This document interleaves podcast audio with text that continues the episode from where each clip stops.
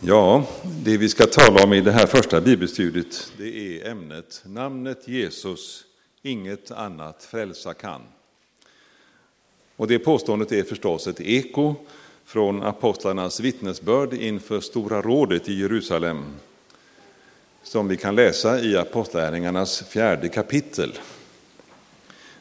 Då och då så nämner jag bibelställen så ni kan slå upp det själva om ni vill. Läget är ju det att i Apostlagärningarna 4 så drar Petrus och Johannes upp till templet och så får de syn på en av yrkestiggarna som sitter där vid en ingång och som eh, eh, tittar på dem. Eh, det skedde ju i det tredje kapitlet. De fäster blicken på den lame som sitter där och tigger som han gör varje dag. Och Petrus säger, se på oss. Mannen såg spänt på dem, här i kapitel 3, vers 5, och väntade sig att få något av dem.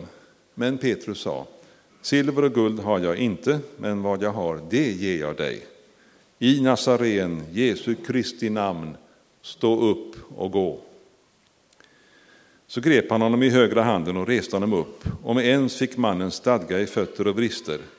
Med ett språng var han på benen och började gå. Han följde med dem in i templet och han gick omkring och han hoppade och han prisade Gud. Och det gjorde folket också. Och sen dagen därpå så kallas de in till förhör för vad de har gjort och för vad de sa efteråt om Jesus. Och då förklarar de i kapitel 4, vers 10 följande. Det skedde genom Nazaren, Jesu Kristi namn. Tack vare honom som ni korsfäste och som Gud har uppväckt från de döda står den här mannen frisk framför er. Jesus är stenen som föraktades av er husbyggare. De lägger till ordet er i bibelcitatet. Er husbyggare, men blev till en hörnsten. Hos ingen annan finns frälsningen och ingenstans bland människor under himlen finns något annat namn som kan rädda oss. Jag tänkte att vi först skulle studera eh, begreppet eller ordet frälsning och frälsa ett tag och se på dess olika innebörder. Och sen går vi till den andra delen av rubriken Inget annat frälsa kan än Jesu namn. Och på slutet något om hur vi tar emot frälsningen genom tron. Själva faktum att Lukas här i Apostlärningarna använder orden frälsning och frälst om botandet av en lam man så att han kan gå igen. Det påminner oss om att det ordet i Bibeln inte enbart har en religiös, övervärldslig innebörd, som det onekligen har i nutida svenska. Det är ju som det står i artikeln rädda, räddning i uppslagsdelen, att det har blivit ett religiöst specialord och därför har man ju mycket undvikit ordet frälsa och frälsning i den nya svenska bibelöversättningen som vi kallar Bibel 2000. Fast ju Nya Testamentet kom 1981 redan. Så att väldigt många gånger där vi var vana att läsa frälsa så står det nu rädda. Man kan nästan ana att varje gång bakom rädda och räddning så står det frälsa. Det betydde, det ordet var mera vardagligt i antik grekiska och judendom, precis som i äldre svenska.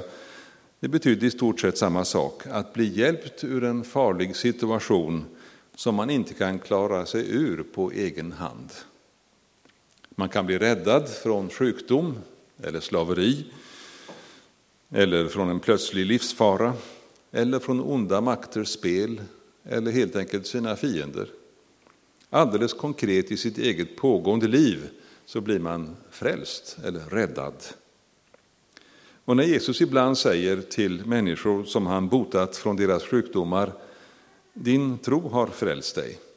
Till exempel till kvinnan som hade lidit av blodgång i tolv år, så betyder det inte din tro har frälst dig till evigt liv, utan mer enkelt och direkt uppfattat, din, det var din tro som gjorde dig frisk.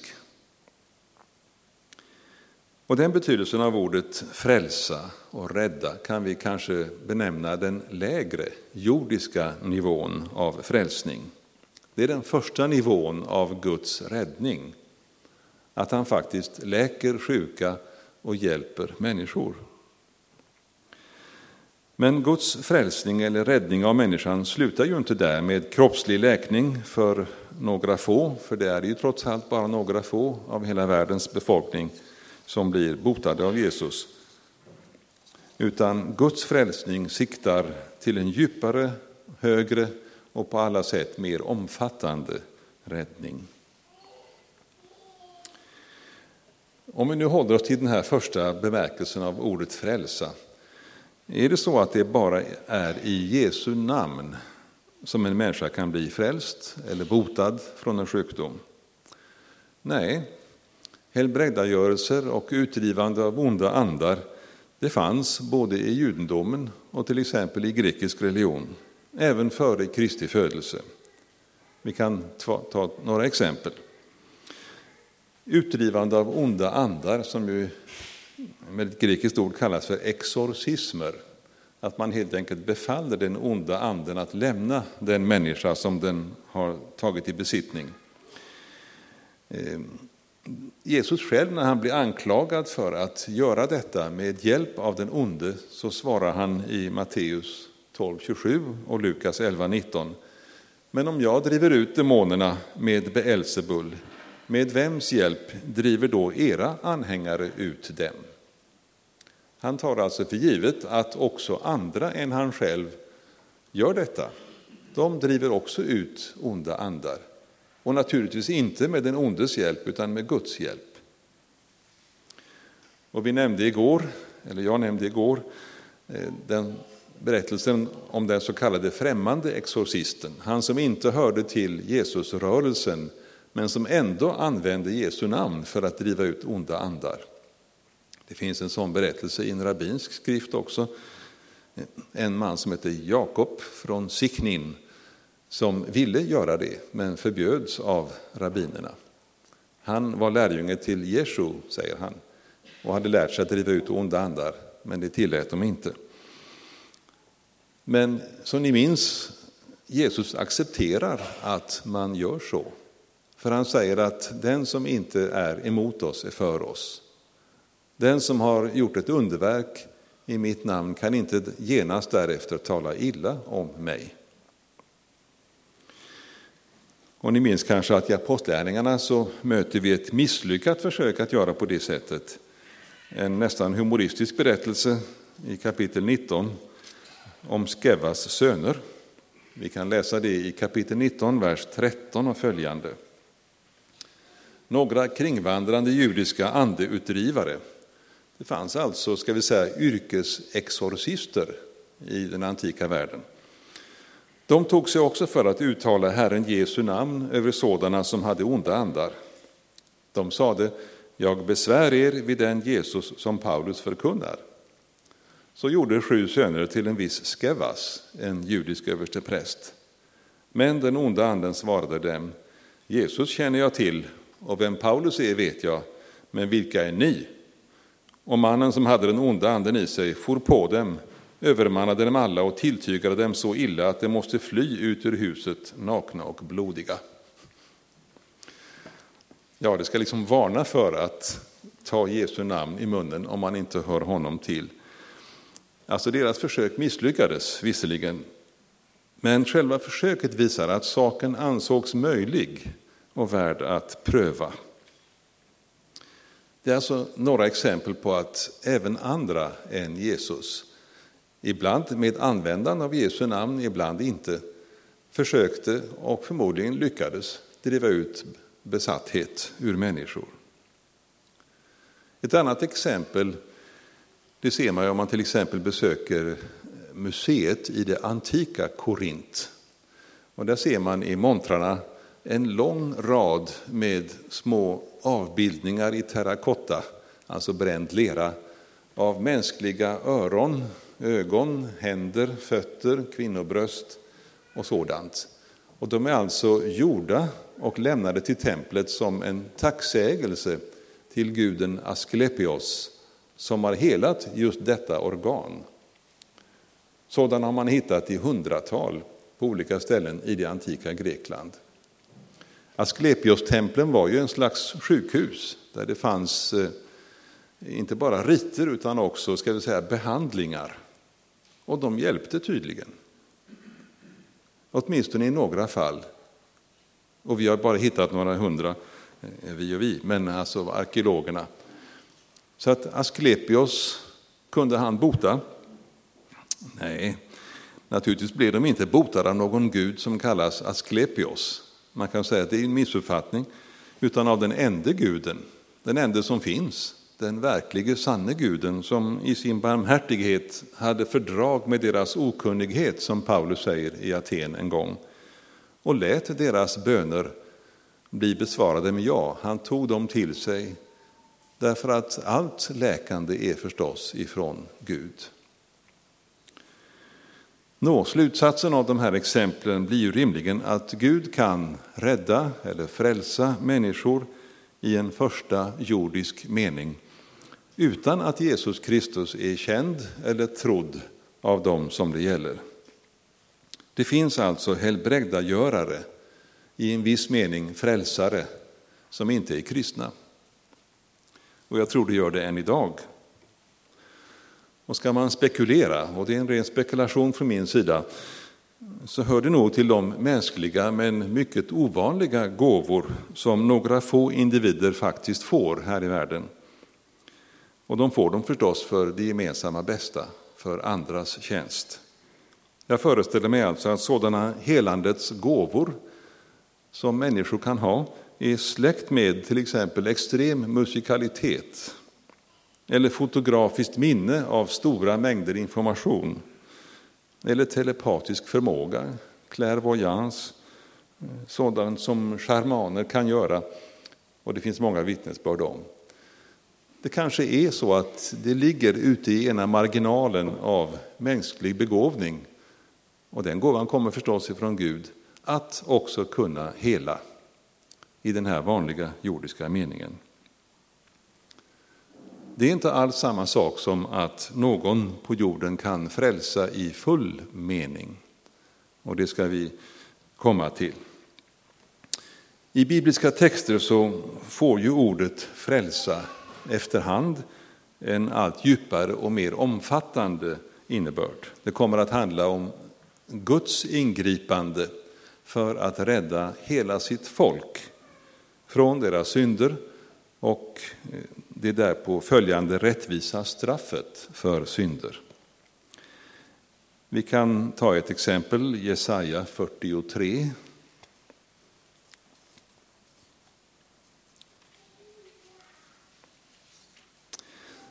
De första tre verserna.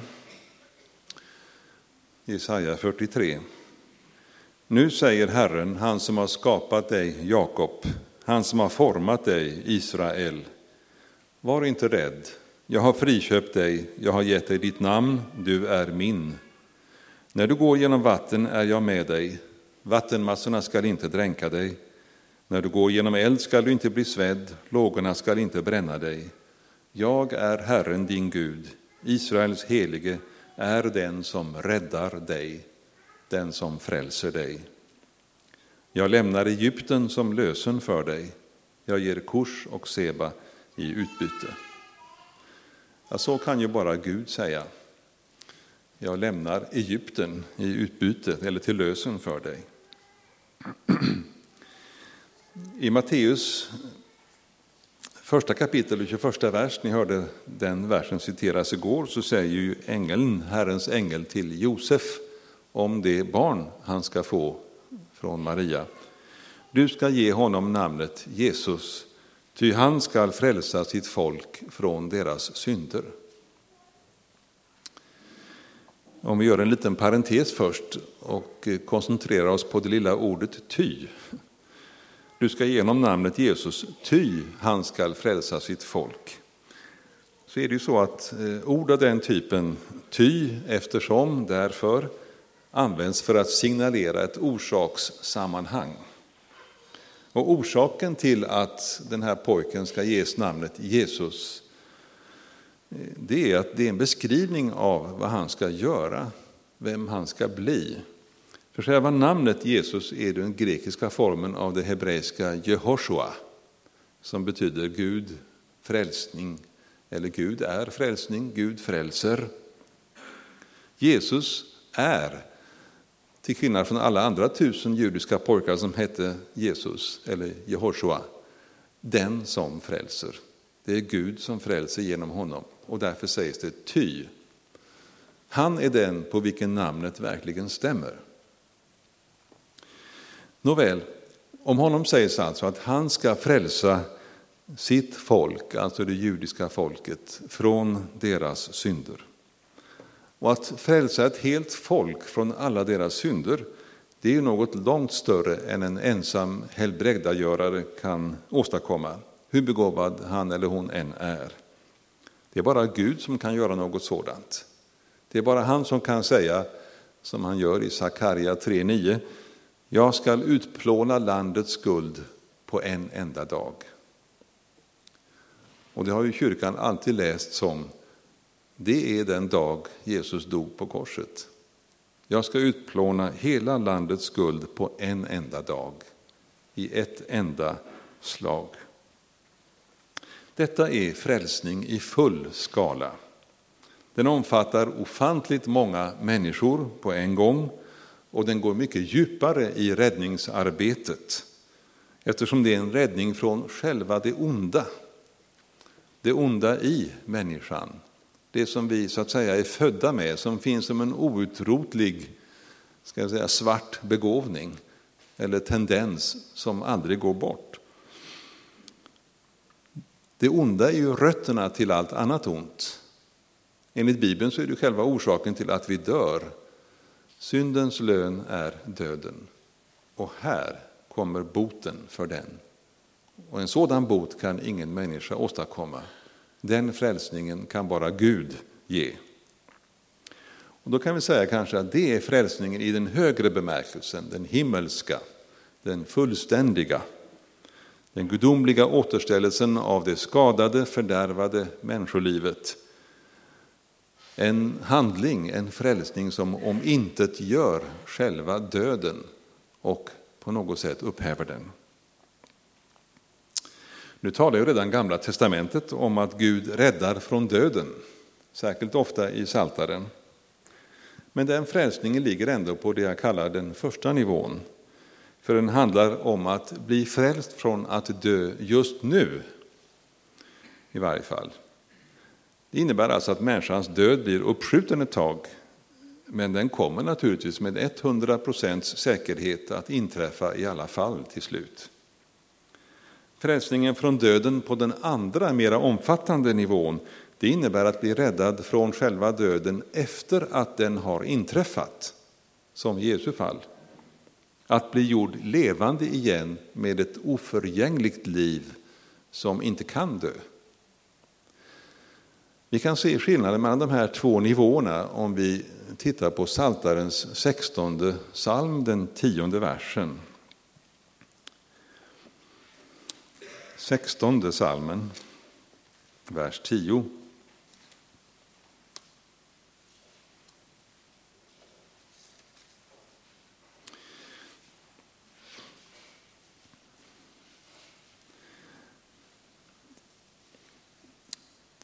Du lämnar mig inte åt dödsriket, du låter inte din trogne få se graven. Du lämnar inte mig du lämnar mig inte åt dödsriket, du låter inte din trogne se graven. Och dödsriket på hebreiska, Sheol, det är ju en dyster plats, minst sagt, som man kan se om man läser vad som sägs om existensen efter döden. Till exempel om vi bläddrar fram till den 88 salmen. Psalm 88. Det är en av de dystraste i hela Saltaren faktiskt. Den slutar i djupt svart moll. Men om vi läser där från vers 4. Mitt liv är fyllt av elände. Jag står vid dödsrikets rand. Jag räknas till dem som lagts i graven. Jag är en man som har mist sin kraft. Jag multnar bland de döda, likt de fallna som vilar i graven, dessa som du inte längre minns och som är avskurna från dig. Ja, det var för de gamla israeliterna det hemskaste med döden, att man inte blev ihågkommen, inte ens av Gud. Därför kallas också dödsriket för glömskans land, alltså där man är bortglömd totalt, även av Gud, för då existerar man ju inte. Eller man existerar till en tusendel, men det är ingen existens nästan. Fortsätter vi så kan man läsa fyra frågor i vers 11, 12 och 13 som alla, märker vi, tänkt att besvaras med nej. Gör du under med de döda? Nej. Kan skuggorna resa sig och prisa dig? Nej. Talar man i graven om din godhet, i avgrunden om din trofasthet? Nej. Blir dina under kända i mörkret, din rättfärdighet i glömskans land? Nej. Där finns ingenting. Det finns ingen kommunikation mellan oss och de döda, men hemskt nog inte heller mellan Gud och de döda. Det är så att säga standardbilden i Gamla testamentet. Här och där så hör vi någonting annat, men det är mer som en glimt, som i Jesaja 26 till exempel. Om vi tittar på Jesaja 26.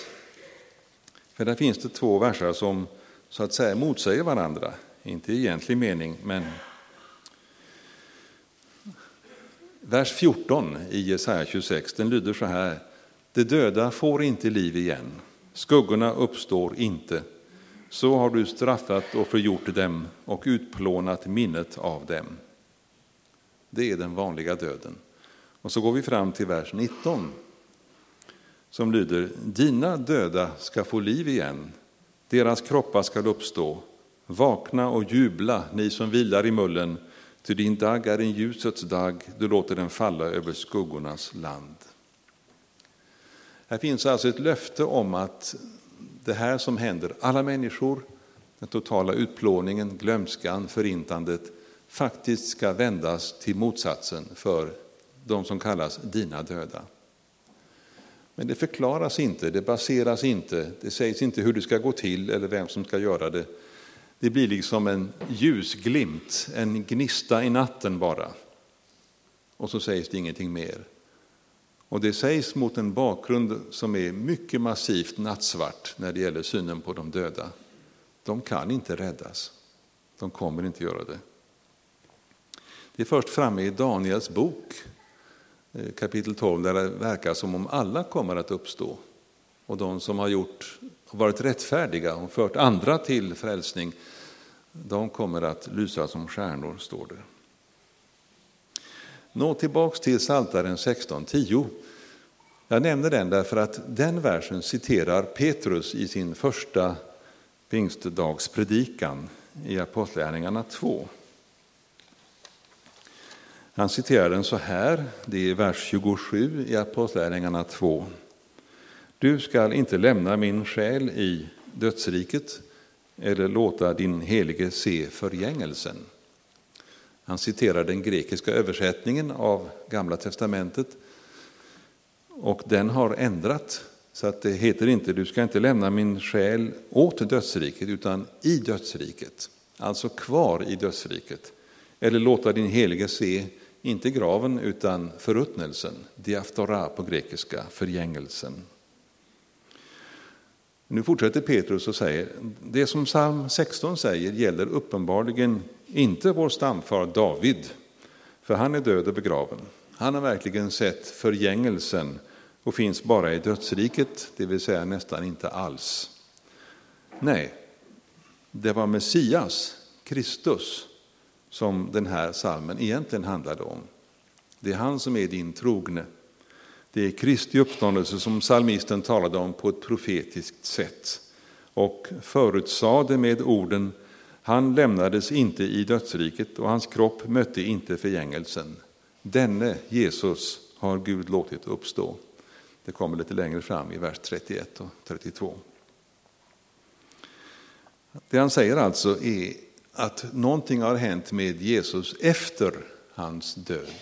Efter att kroppen är livlös. Han skonades inte från att dö och han fick så att säga se graven från insidan. Men det var inte långvarigt. Han lämnades inte i dödsriket. Hans kropp hann inte börja förruttna. Han räddades från döden genom att han snabbt uppstod från de döda igen. Frälsningen från döden blir alltså någonting annat än att slippa dö just nu. Frälsningen förvandlar döden från att ha varit en slutpunkt, nära nog en förintelse av människan, till att bli en genomgång, en port till livet. Och att bli frälst har då att göra med helheten av livet, både det jordiska, ändliga och det eviga som tar vid efteråt. Frälsning blir alltså lika med räddning från den slutgiltiga, eviga döden.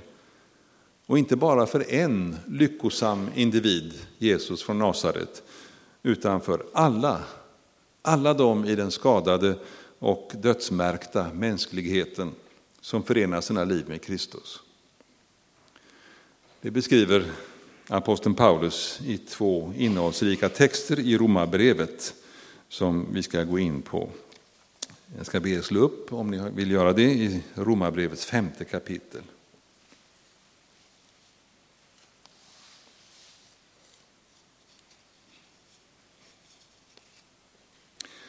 Från vers 6.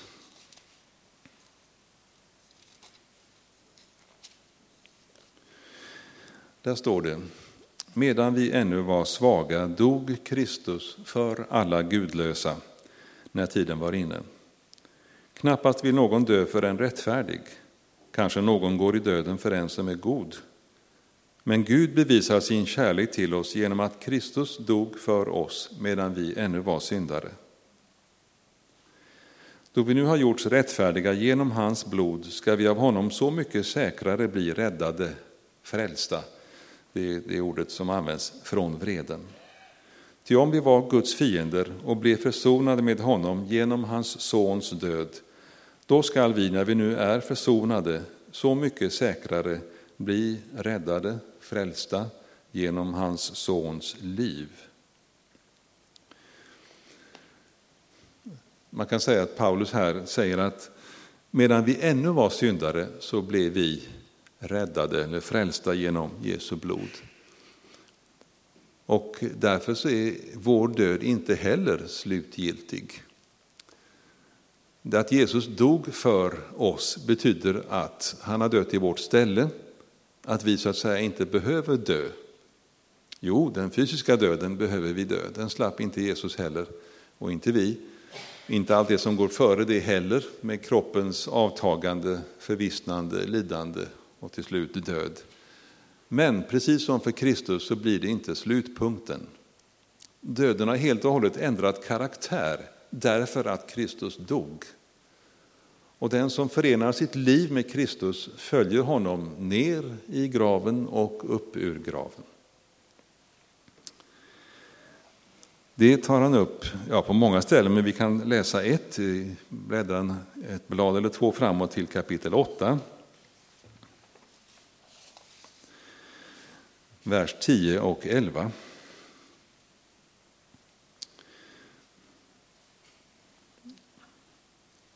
Om Kristus bor i er så är visserligen kroppen död på grund av synden, men anden har liv på grund av rättfärdigheten. Om anden från honom som har uppväckt Jesus från de döda, alltså Gud, bor i er, då skall han som har uppväckt Kristus från de döda göra också era dödliga kroppar levande genom att hans ande bor i er.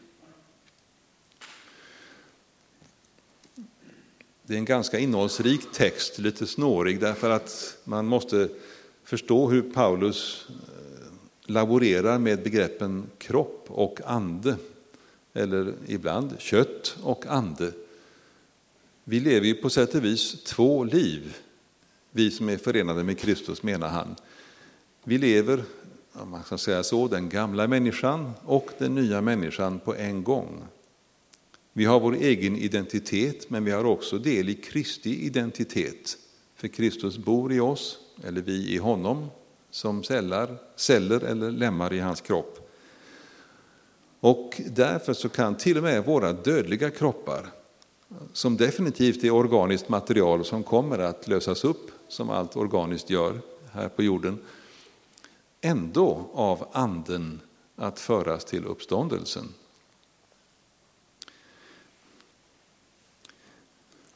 I ett annat brev så talar Paulus om att det måste ske en förvandling. Att ingen faktiskt går rakt in i himmelen med, som vi går och står i kött och blod. Detta innebär ju att frälsning i den djupaste meningen inte har att göra med om den människan förblir vid liv i konkret kroppslig mening. Det kan till och med vara tvärtom. Som när Jesus paradoxalt säger i Matteus evangeliet kapitel 16, vers 25. Den som vill frälsa sitt liv, det är det ordet han använder, sosai. Den som vill frälsa sitt liv ska mista det. Men den som mister sitt liv för min skull, han ska finna det. Att vilja frälsa sitt liv det betyder ju här att försöka behålla livhanken till varje pris. Att göra allt för att överleva. Och det är ju för ett inomvärldsligt synsätt det allra viktigaste. Det är den enda frälsning som är värd någonting. Men i den andra versen så klargör Jesus att just detta att förlora livet, att dö den fysiska döden för rätt saks skull, nämligen för Jesus skull, det leder till den verkliga frälsningen i en djupare mening och med permanent effekt, det vi kallar det eviga livet. Det är frälsning i sin fullständiga form. Botandet av det mänskliga livets generalskada, nämligen själva döden. Detta gör ju inte att ska jag säga, den jordiska frälsningen som består i att bota en sjuk människa eller befria dem ur slaveri eller ur ångest eller från fiender skulle vara likgiltigt eller betydelselöst. Inte alls. Men vi ska ändå se det som en slags steg, en föraning, en början på, ett löfte om det som är mycket mer omfattande, mycket mer definitivt och som låter oss bli de som vi var tänkta att bli från början. Alltså Guds barn i evighet inte bara på jorden. Döden är ju det ondas definitiva invasion och seger i en människas liv. Och vi bekämpar den med alla krafter, och det gör vi med rätta. Hela mänskligheten har alltid haft på känn att detta att vi ska dö, det är något djupt felaktigt. Det kan inte vara rimligt att någonting så underbart som en människa ska dö och upplösas. Och det är inte bara ska jag säga, den unga starka människan utan också den gamla erfarna visa människan. Det är något förfärligt när en 80-åring dör också. Så mycket rikt som finns i henne och honom, varför ska det förintas? Vi har alltid haft på känn att detta är fel. Det ska inte vara så. Människan är anlagd och skapad för något mycket större än de här 70-80 åren vi får i vanliga fall. Det måste helt enkelt finnas något mer. Det har man känt och famlat efter på många sätt i många religioner. Ja, det finns något mer. Men vi befinner oss ju som människor i ett läge, i en situation där vi inte kan göra någonting åt det. Vi behöver räddas, frälsas till det liv utan ondska, lidande och död som vi egentligen var avsedda från från början. Och frälsningen från Gud innebär ju långt mer än en återupplivning. Att man så att säga spelar filmen baklänges och så lever man ett tag igen. Ungefär som, ska vi tänka oss, Lazarus eller änkans son i Nain som naturligtvis dog före år 100 efter Kristus. Nej, frälsningen från Gud är en nyskapelse av allt som finns. Inte bara just vi som individer, utan Bibeln talar ju om nya himlar och en ny jord. Så stor är frälsningen. Då kan vi gå över till det andra elementet i vårt tema. Intet annat frälsa kan än Jesu namn. Ja, vi var inne på det. Om det har kommit till någon från igår så ska jag bara säga helt kort vad jag sa då. Att eh, det bibliska talesättet om namn innebär ju att namnet står för personen, bäraren. Det representerar honom eller henne. Och när vi ber helgat varde ditt namn så, så är det ju att hålla Guds namn heligt, det är att hålla Gud helig. Det är att vörda och lyda honom och låta honom vara det första i sitt liv. När vi instrueras att be i Jesu namn, vilket ju Jesus själv gör flera gånger, då betyder det att man åberopar honom, den han är och det han har gjort, och på hans egen befallning göra hans försonande och livgivande makt gällande i den sak man ber om. Namnet Jesus är alltså Jesus själv, osynligt men mäktigt närvarande.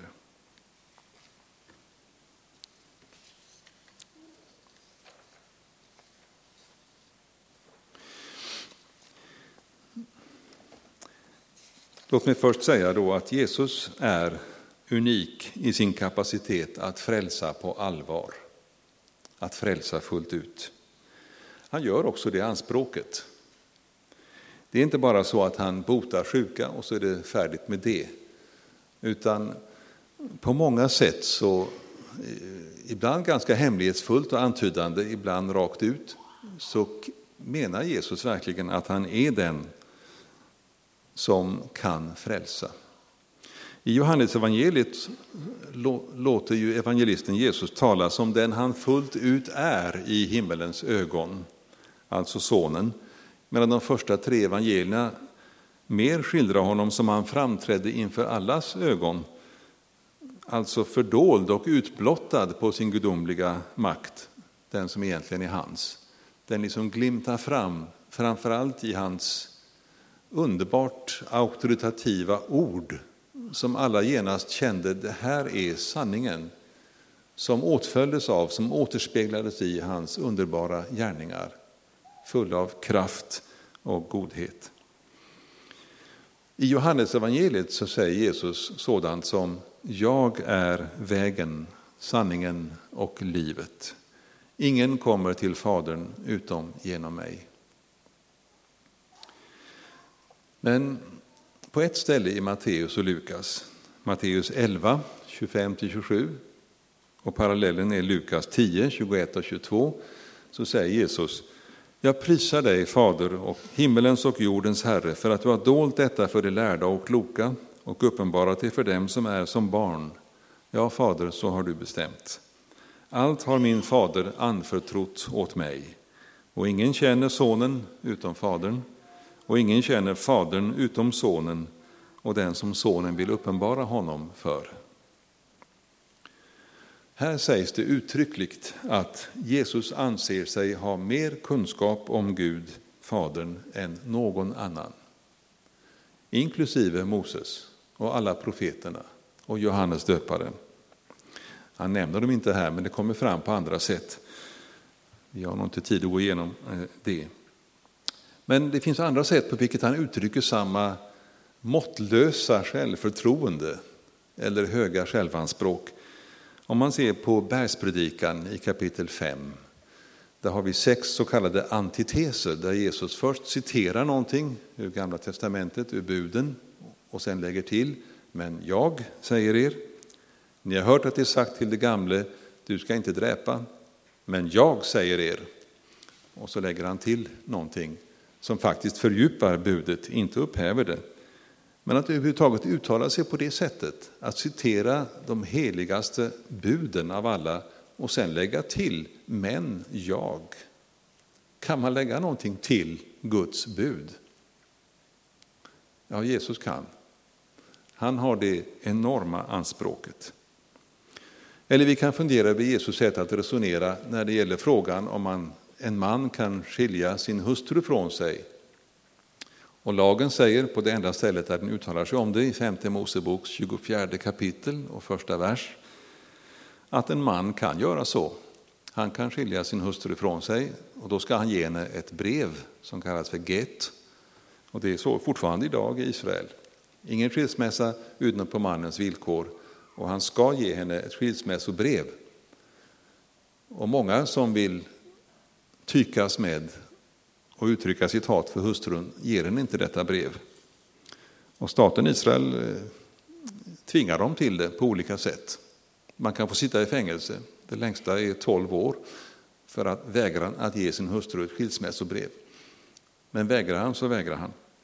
Nåväl, vad Jesus säger om detta, han vet ju mycket väl vad som står i femte Mosebok 24 kapitlet, att han numrerar inte kapitlen. Han hävdar att det ändå är rena äktenskapsbrottet om en man gör på det sättet. Hur kan han hävda det när Mose lag, som kommer direkt från Gud på Sinai, säger att det går? Jo, han säger det är inte Guds egentliga vilja. Han säger alltså emot Moses. Och så förklarar han att ja, Mose gav er den utvägen för era hjärtans hårdhets skull. Men det är inte så Gud ville ha det. Guds egentliga vilja kommer fram i Första Moseboks andra kapitel där det står att en man ska lämna sina föräldrar och hålla sig till sin hustru och det ska bli ett kött. Och vad Gud har sammanfogat får människan inte åtskilja. Han gör alltså, ska vi säga, Gud, Guds ord gällande mot Guds ord. Och det är något oerhört för en judisk lärare att göra på det sättet. Alltså den karln har självförtroende. Han har ett anspråk på att känna Gud, förstå Gud och veta vad han faktiskt vill mer än någon annan. Och är han det, då är han förstås nödvändig för människosläktets frälsning. Utan tvekan.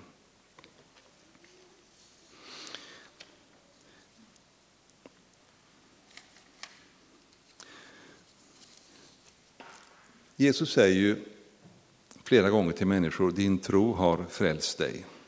Han har helat dem med en beröring eller med ett ord. Och så säger han så här efteråt, vad menar han då? Och det är vi inne på det tredje, alltså hur tar vi emot frälsningen? Jag ska ta det lite kortare än vad jag hade tänkt, ser jag klockan går ju mot tolv i här. Så att... Är det människans egen tro som egentligen botar henne? Det låter ju så kanske.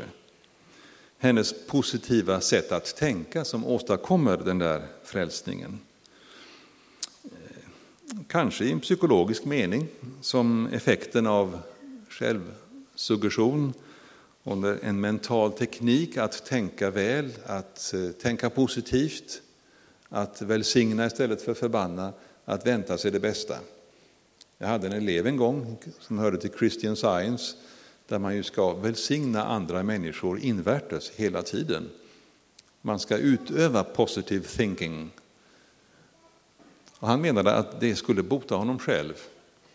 Och det är ett faktum att, eh, det här var säkert 20-30 år sedan snart, vi hade honom i en kurs som var fem veckor lång och jag kan själv intyga att när kursen började så hade han inte ett hårstrå på kroppen, inga ögonbryn, inget hår på huvudet och glasögon. Och när kursen fem veckor senare var slut, då hade han kunnat lägga av glasögonen och ögonbrynen hade börjat växa ut.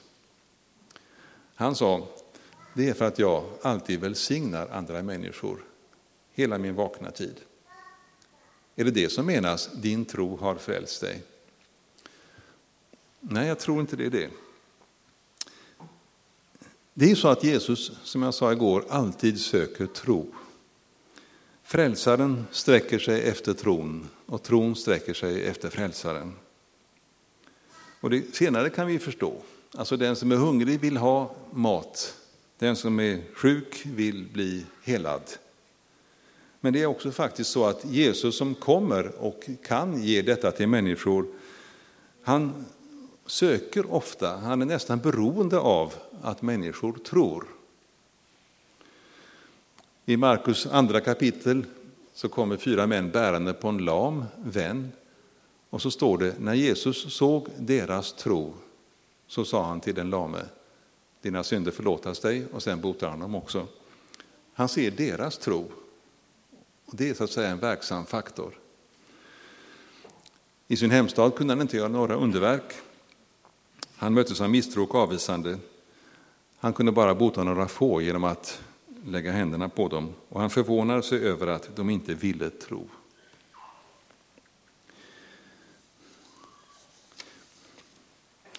Vi kan se på ett exempel, jag tror vi får nöja oss med ett. Det finns en relation mellan tro och frälsning. I Johannes fjärde kapitel, vers 46 till 53, så är det en far som ber för sitt döende barn.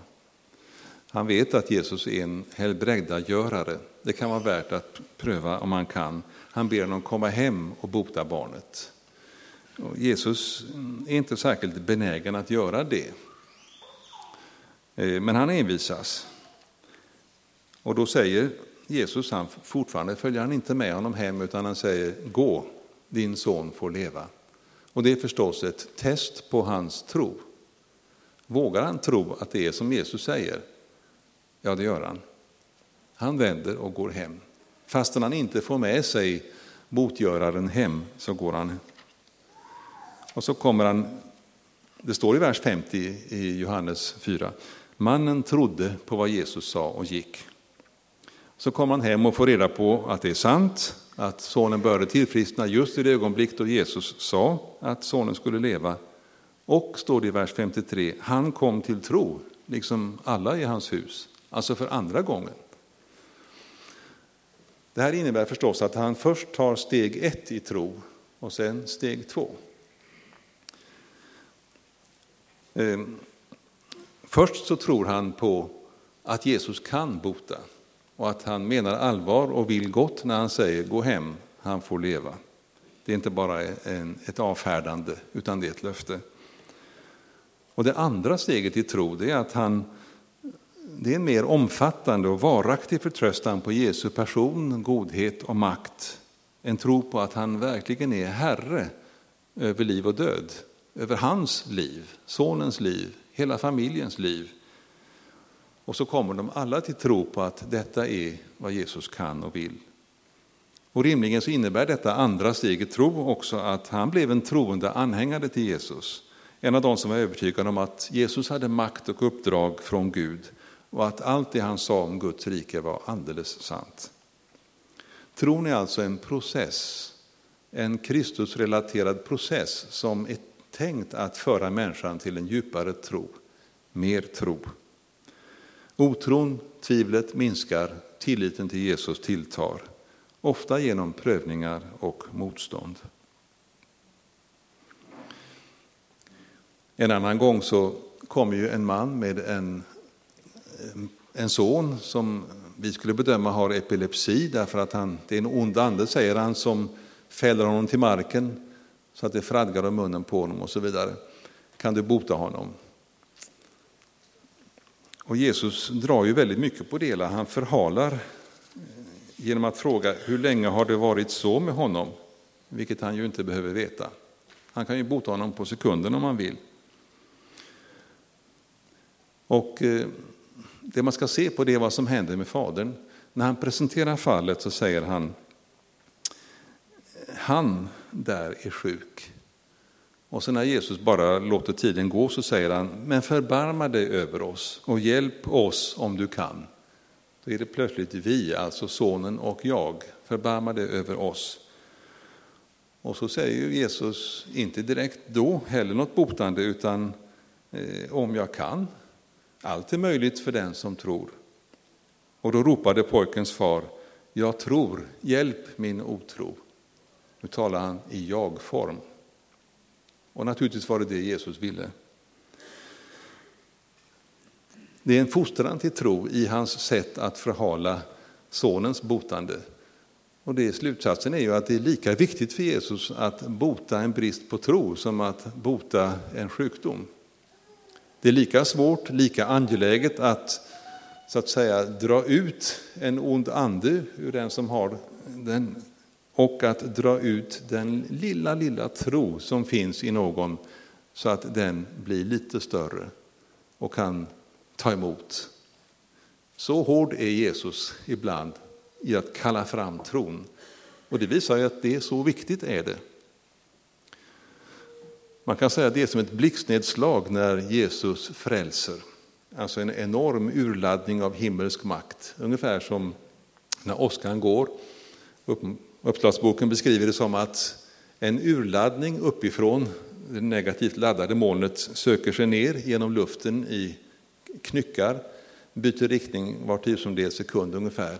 Och när det kommer närmare jorden då, då slår det upp en gnista nerifrån som så att säga möter den och bildar en kanal där de enorma urladdningarna rinner fram. Det vi kallar en blixt. Så kanske man kan se trons roll. Det är den lilla gnistan nerifrån som slår upp och möter den enorma urladdningen uppifrån och då händer det. Så viktig är alltså tron, även om den är liten som ett senapskorn, som det allra minsta. Det vill Jesus ha. Där ligger alltså frälsningen. Låt mig sluta med att citera Paulus i Filipperbrevet 3, vers 10-12. Jag vill lära känna Kristus och kraften från hans uppståndelse och dela hans lidanden genom att bli lik honom i en död som hans. Kanske jag då kan nå fram till uppståndelsen från de döda.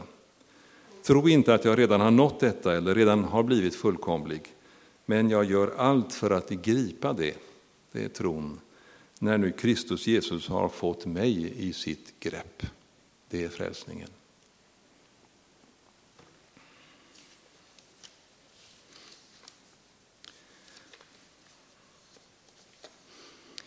Herre Jesus Kristus, du som söker tron, låt den bli funnen hos var och en av oss. Sänd din helige Ande att hos oss frigöra den där gnistan, ropet på hjälp, det öppnade hjärtat, hela vår hunger efter dig och det du kan och vill ge oss. I Jesu namn. Amen.